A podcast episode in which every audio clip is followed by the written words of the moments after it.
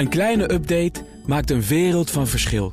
Daarom biedt IKEA voor Business Netwerk gratis snelle interieurtips en ideeën. Word gratis lid en laat je werkplek voor je werken. IKEA, een wereld aan ideeën. Boardroom Panel.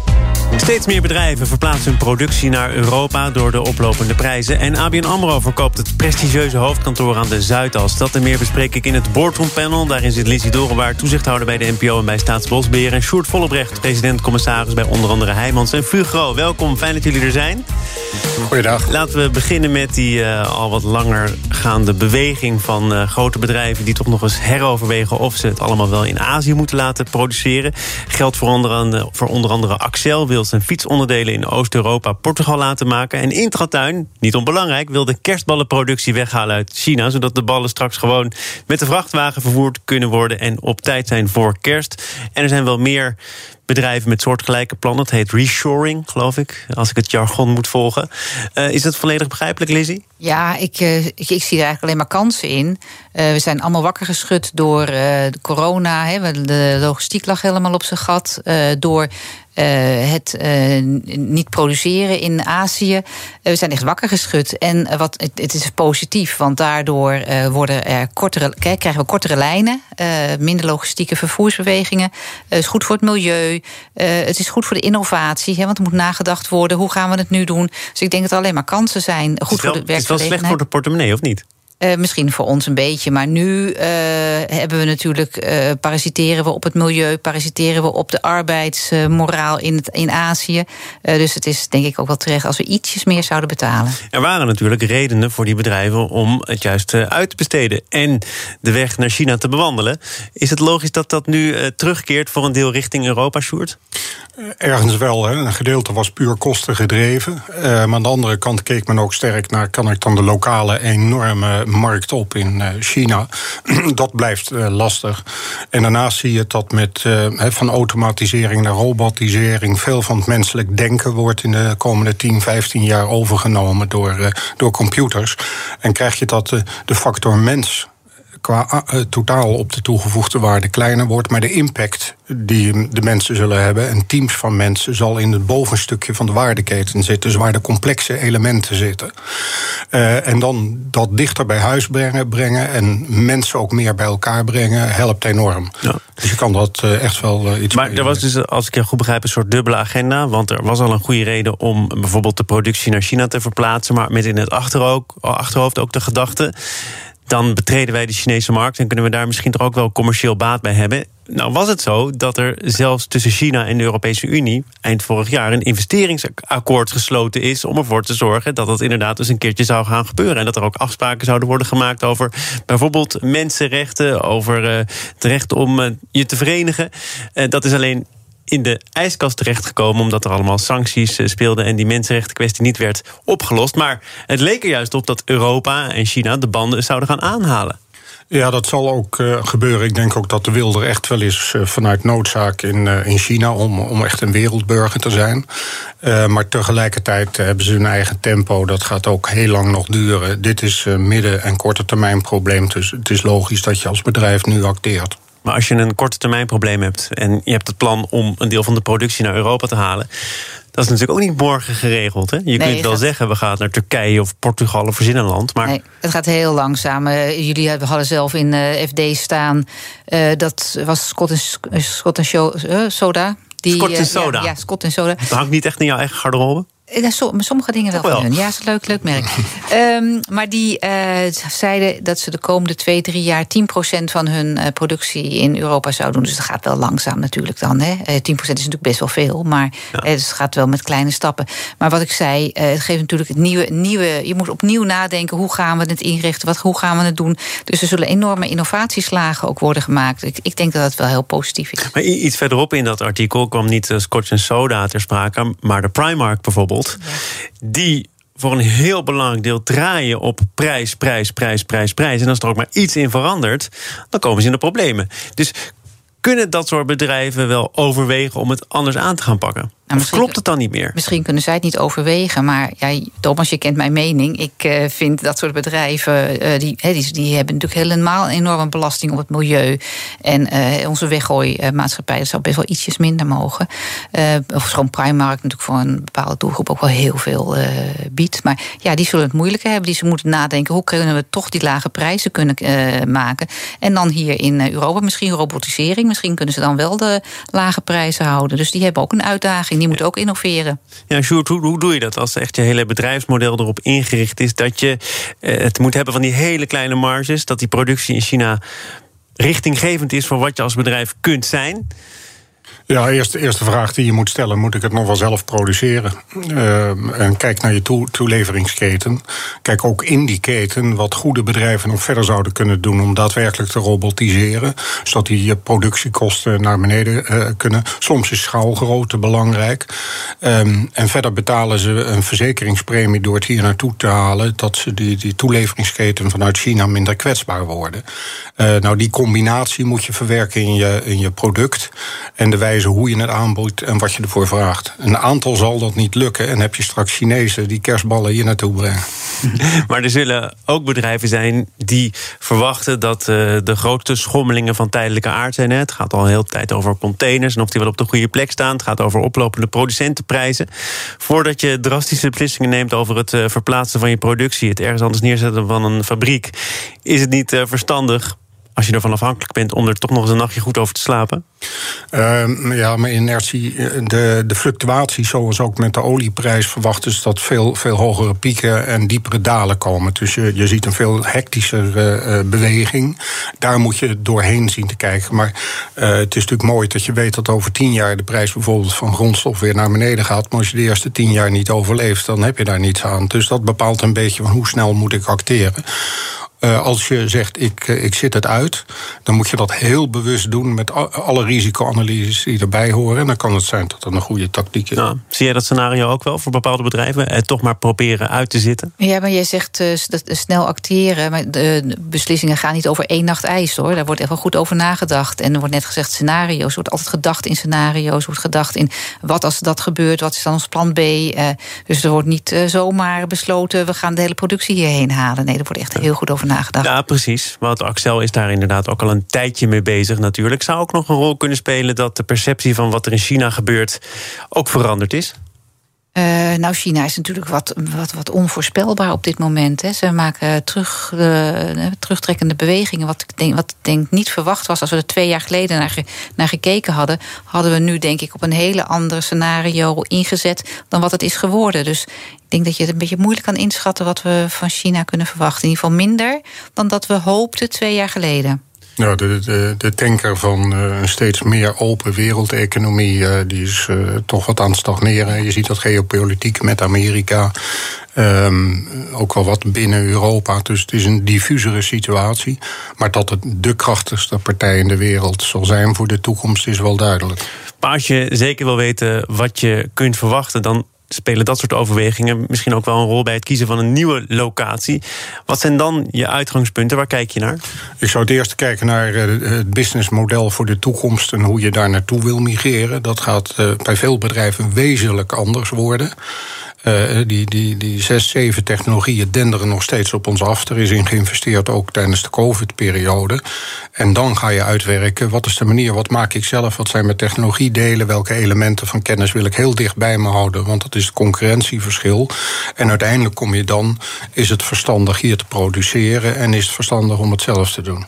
Wanneer is het verstandig om bijvoorbeeld voor Nederland te kiezen? We hebben in gedachten al afscheid genomen van bepaalde industrieën die komen nooit meer terug, want uh, dat kunnen we niet uh, bolwerken wereldwijd. Daarvoor zijn wij te duur. Moeten we dat toch nog eens heroverwegen? Kan bijvoorbeeld de, de maakindustrie een flinke impuls krijgen, Lizzie? Ja, als het om zekerheid gaat bijvoorbeeld. Als je het heel dichtbij wil houden, heel, veel, heel erg op zekerheid wil spelen, dan zou best een keuze voor Nederland kunnen zijn. En als je voldoende marge hebt in in je prijzen, dan kan dat wellicht. Maar het zal niet voor alle businessen kunnen. Dus het is echt zo'n heel plaatje wat je moet maken. rekening houden met alle mogelijke scenario's. Ik, kan me nog rapporten herinneren. Ik denk van eerder dit jaar, waaruit blijkt dat onder andere het stikstofprobleem Nederland in de weg zit. Hè? Als je een nieuw kantoor wil bouwen of een nieuwe fabriek wil bouwen, dan heb je rekening te houden met uitstoot die dat oplevert, onduidelijke wetgeving, dossier dat maar voort blijft slepen. Het zijn allemaal zaken die je in de gaten moet houden en die Nederland niet per se aantrekkelijker maken. Daar heb jij helemaal gelijk in, Thomas. Ja, en uh, jammer genoeg heb ik geen glazen bol. Kan niet kijken in hoeverre we daar ruimte voor hebben de komende jaren. Zou, zou je politiek beleid aangaande bijvoorbeeld zo'n langlopend dossier als eh, stikstof in de gaten moeten houden? Ehm, ja, het rommeltje wat we ervan maken. Het is uh, ideologisch uh, zorgvuldig omgaan met de aarde. En we kunnen dat ons permitteren. Zeker in Nederland, daar zal niemand tegen zijn. Maar je moet een reële tijd nemen voor de transitie. Dus dat haastige naar 2030, daar schieten we ons continu mee in de voet. Maar dat het richting 2040, 50 wezenlijk ander moet uh, wel. Maar het rommeltje dat we ervan maken. Ik, ik heb gesprekken gehad met bestuurders van energiebedrijven, RWE bijvoorbeeld. Die zeggen, wij zijn eerder verleid om eh, bepaalde investeringen te doen. Eh, ministers hebben ons gebeld. We moesten per se eh, overgaan tot de bouw van een centrale. En nu krijgen we deksel op de neus. Er wordt ons verweten dat we wel hadden kunnen zien aankomen... dat de wetgeving zou veranderen. En zeggen ze, als dit nou nog zo veel vaker gebeurt dan bewijst de overheid een onbetrouwbare handelspartner te zijn. Dan moeten we eens wat zaken gaan heroverwegen. Bedoel je dat ook met er een rommeltje van maken? Ja, je moet uh, de, uh, op een gegeven moment waren de geesten en ook al hard echt gewonnen in Nederland. Uh, zakelijk bij het publiek. Jongens, we moeten zorgvuldiger zijn met wat we doen. En daar is nog veel te winnen. En vervolgens zie je dat de, weg van uitvoer. dat we daarin grote fouten maken. waardoor je draagvlak aan het verliezen bent. En dat is heel jammer. en dat is niet alleen de politiek.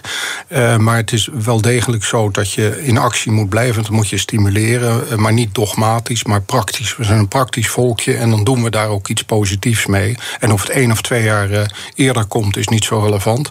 Stel dat in tien jaar de aarde vergaat, dan kunnen we het beste feest vieren tot het einde van die tien jaar. Lizzie, ik, ik ben benieuwd naar jouw reactie. Nou, er zijn natuurlijk wel heel goed. De discussies zijn nu echt heel in volle gang om die stikstofproblematiek op te pakken. En er zijn natuurlijk al wat richtingen, richting boeren Tata Steel, waar nu heel erg over gesproken wordt. Uh, dus er zijn vast wel oplossingen, maar we moeten wat doorpakken. En dan hebben we ook weer, kunnen we ook weer zekerheden geven aan bedrijven, uh, wat wel en wat niet kan. Doorpakken, gaan we zeker doen. BNR Nieuwsradio. Zaken doen. Thomas van Zeil. Het boardroompanel is de gast. Lizzie Dorenwaard, toezichthouder bij de NPO, Staatsbosbeheer... en Sjoerd Vollebrecht, president-commissaris bij Heijmans en bij Fugro. We gaan het hebben over het hoofdkantoor van ABN AMRO op de Zuidas. Nog wel, want staat te koop. Het is voor het eerst sinds corona dat er een grote kantorendeal komt. Vandaag is de laatste dag dat kopers een bod kunnen doen... op het gebouw van ABN AMRO. Maar dan is de vraag, wat is nog de waarde van een zakendistrict? Het was een boegbeeld, hè? de Zuidas. Er staan heel veel toonaangevende kantoren van toonaangevende bedrijven... maar ABN AMRO hoorde daar zeker bij. Lizzie, was jij verbaasd toen je hoorde dat het... Uh, van de hand gedaan werd door ABN AMRO? Nou, ik was vooral verbaasd dat je in 20 jaar zo'n enorme omslag kan uh, hebben in een uh, bedrijf. In rond 2000, toen ze in het pand kwamen, hadden ze nog het idee dat ze een wereldspeler zouden worden. En nu 20 jaar later is daar helemaal niks meer van over. En is het ergens wel begrijpelijk dat ze ook zeggen... we willen naar een ander pand. Want ik weet niet of je het wel eens geweest bent, Thomas... maar het is een mega groot uh, pand. Een enorme hal, echt zo groot en zo hoog. En uh, marmer, dat je denkt, ja, de, de, de bomen groeiden ook in de hemel op dat moment. En dat is natuurlijk nu helemaal niet meer. Dus ik begrijp wel e- dat ze deze stap zetten... maar het is verbazend dat iets zo snel zo kan veranderen. Zie jij in deze stap ook de transformatie... die ABN AMRO noodgedwongen heeft ondergaan? Nou, het is, eh, een, bank die van wereldambitie, precies wat jij zegt, eh, naar een uh, retail- en commerciële bank voor het Nederlandse is gegaan. Het, het zit nauwelijks over de grens, maar dan in het verlengde van haar activiteiten hier vaak. Um, ik denk wel dat ze nu kijken wat voor medewerkers hebben we nodig. Er zitten heel veel routinematige transacties in het bedrijf. Um, en straks heb je uh, via, via andere kanalen de klant bedienen en de goede oplossingen vinden. Wat weer een ander type mens vereist. Nou, die combinatie maakt dat je moet kijken, pas je nog in dat zakendistrict? Het cluster van kennis dat daar zit, ontegenzeggelijk, is gericht op complexe transacties. En dat lijkt ABN AMRO minder nodig te hebben. Maar het, uh, kantoor dat jij schetst, hè, eh, eigenlijk uh, passend bij een bedrijf waar de bomen tot in de hemel groeien. Het moet nu ongeveer 800 miljoen gaan opleveren. Dan zou men tevreden zijn. Kan iets lager zijn, kan iets hoger zijn. Is er een bedrijf dat het ervoor gaat ophoesten?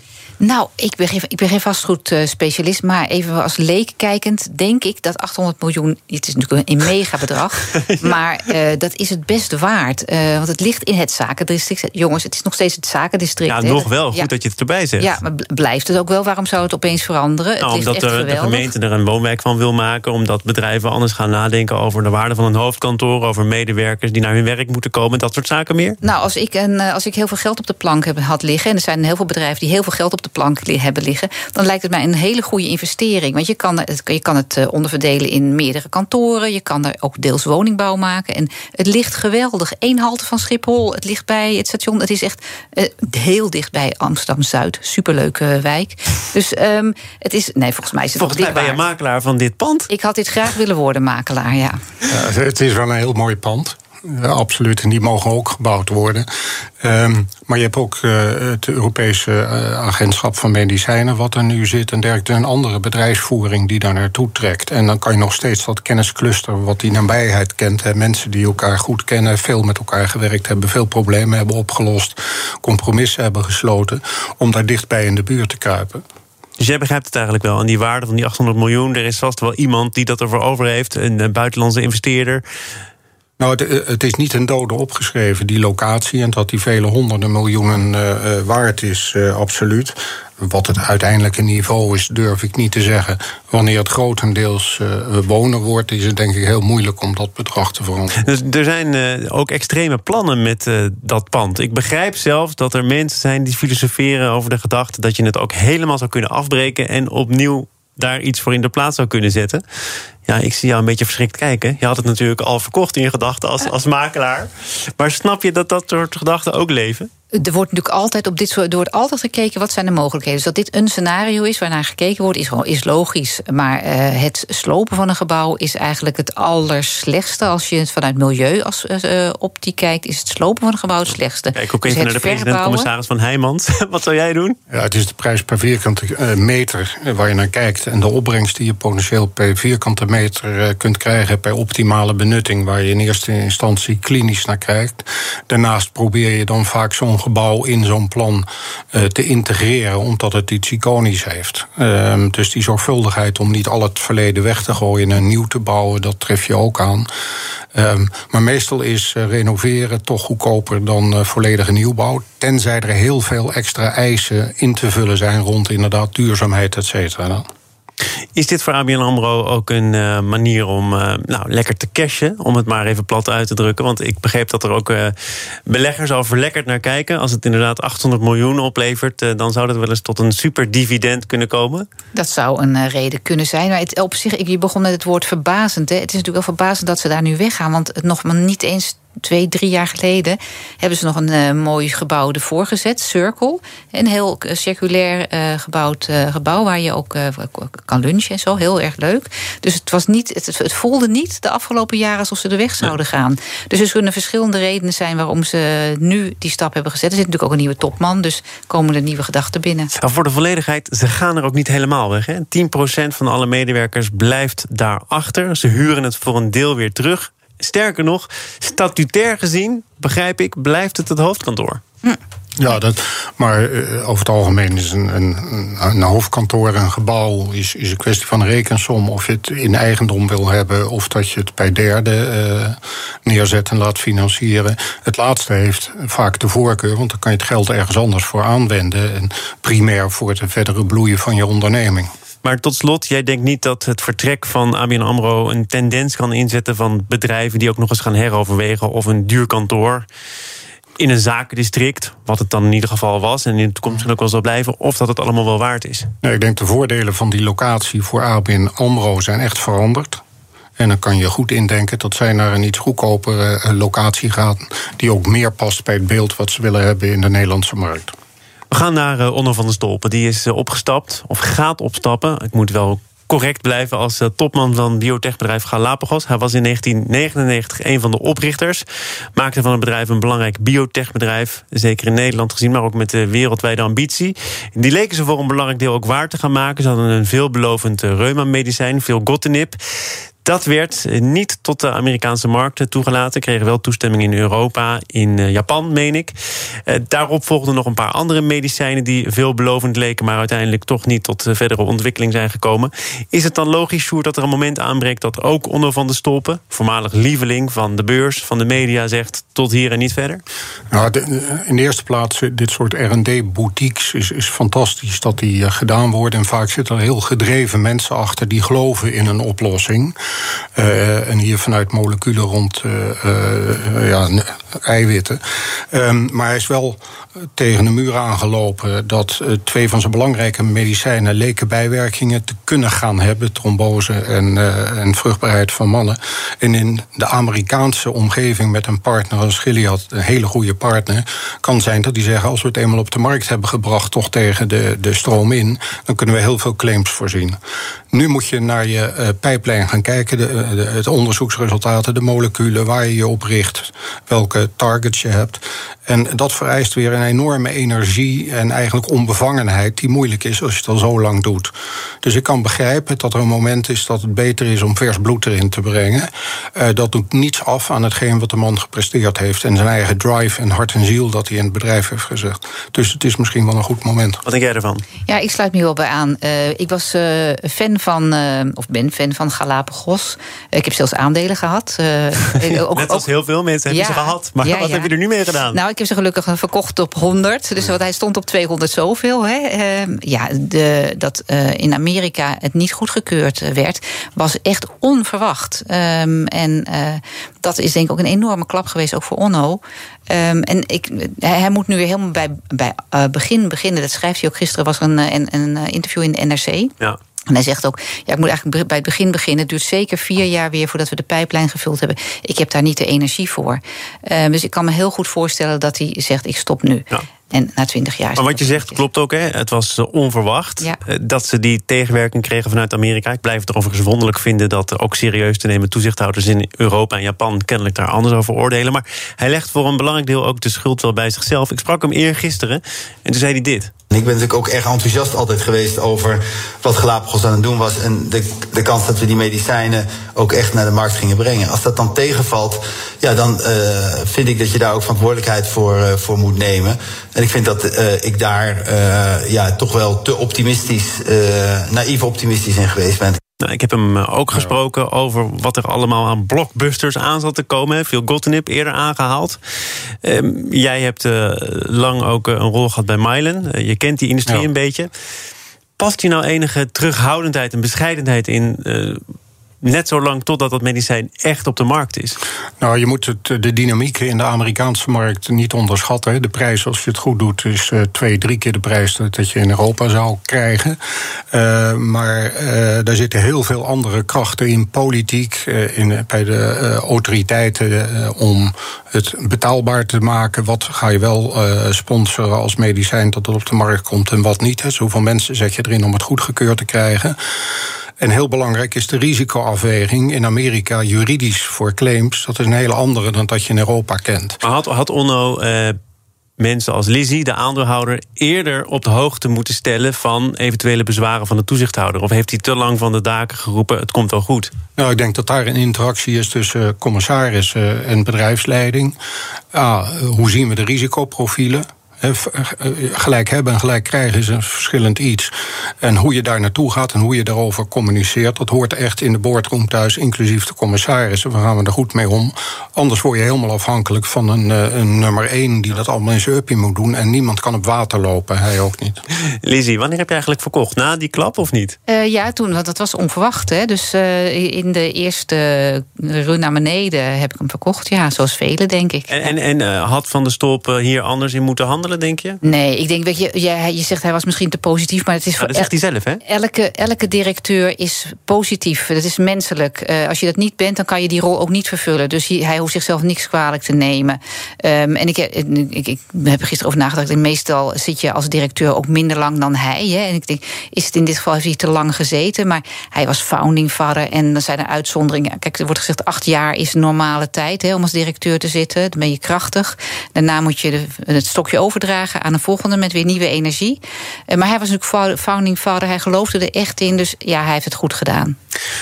Mooie woorden tot, slot voor eh, Onder van de Stolpen. Door uh, Lizzie Dorenwaard uitgesproken, toezichthouder bij de NPO en bij Staatsbosbeheer. Sjoerd Vollebrecht was er gelukkig ook. President, commissaris bij Heijmans en bij Fugro. Dank voor je bijdrage aan dit panel.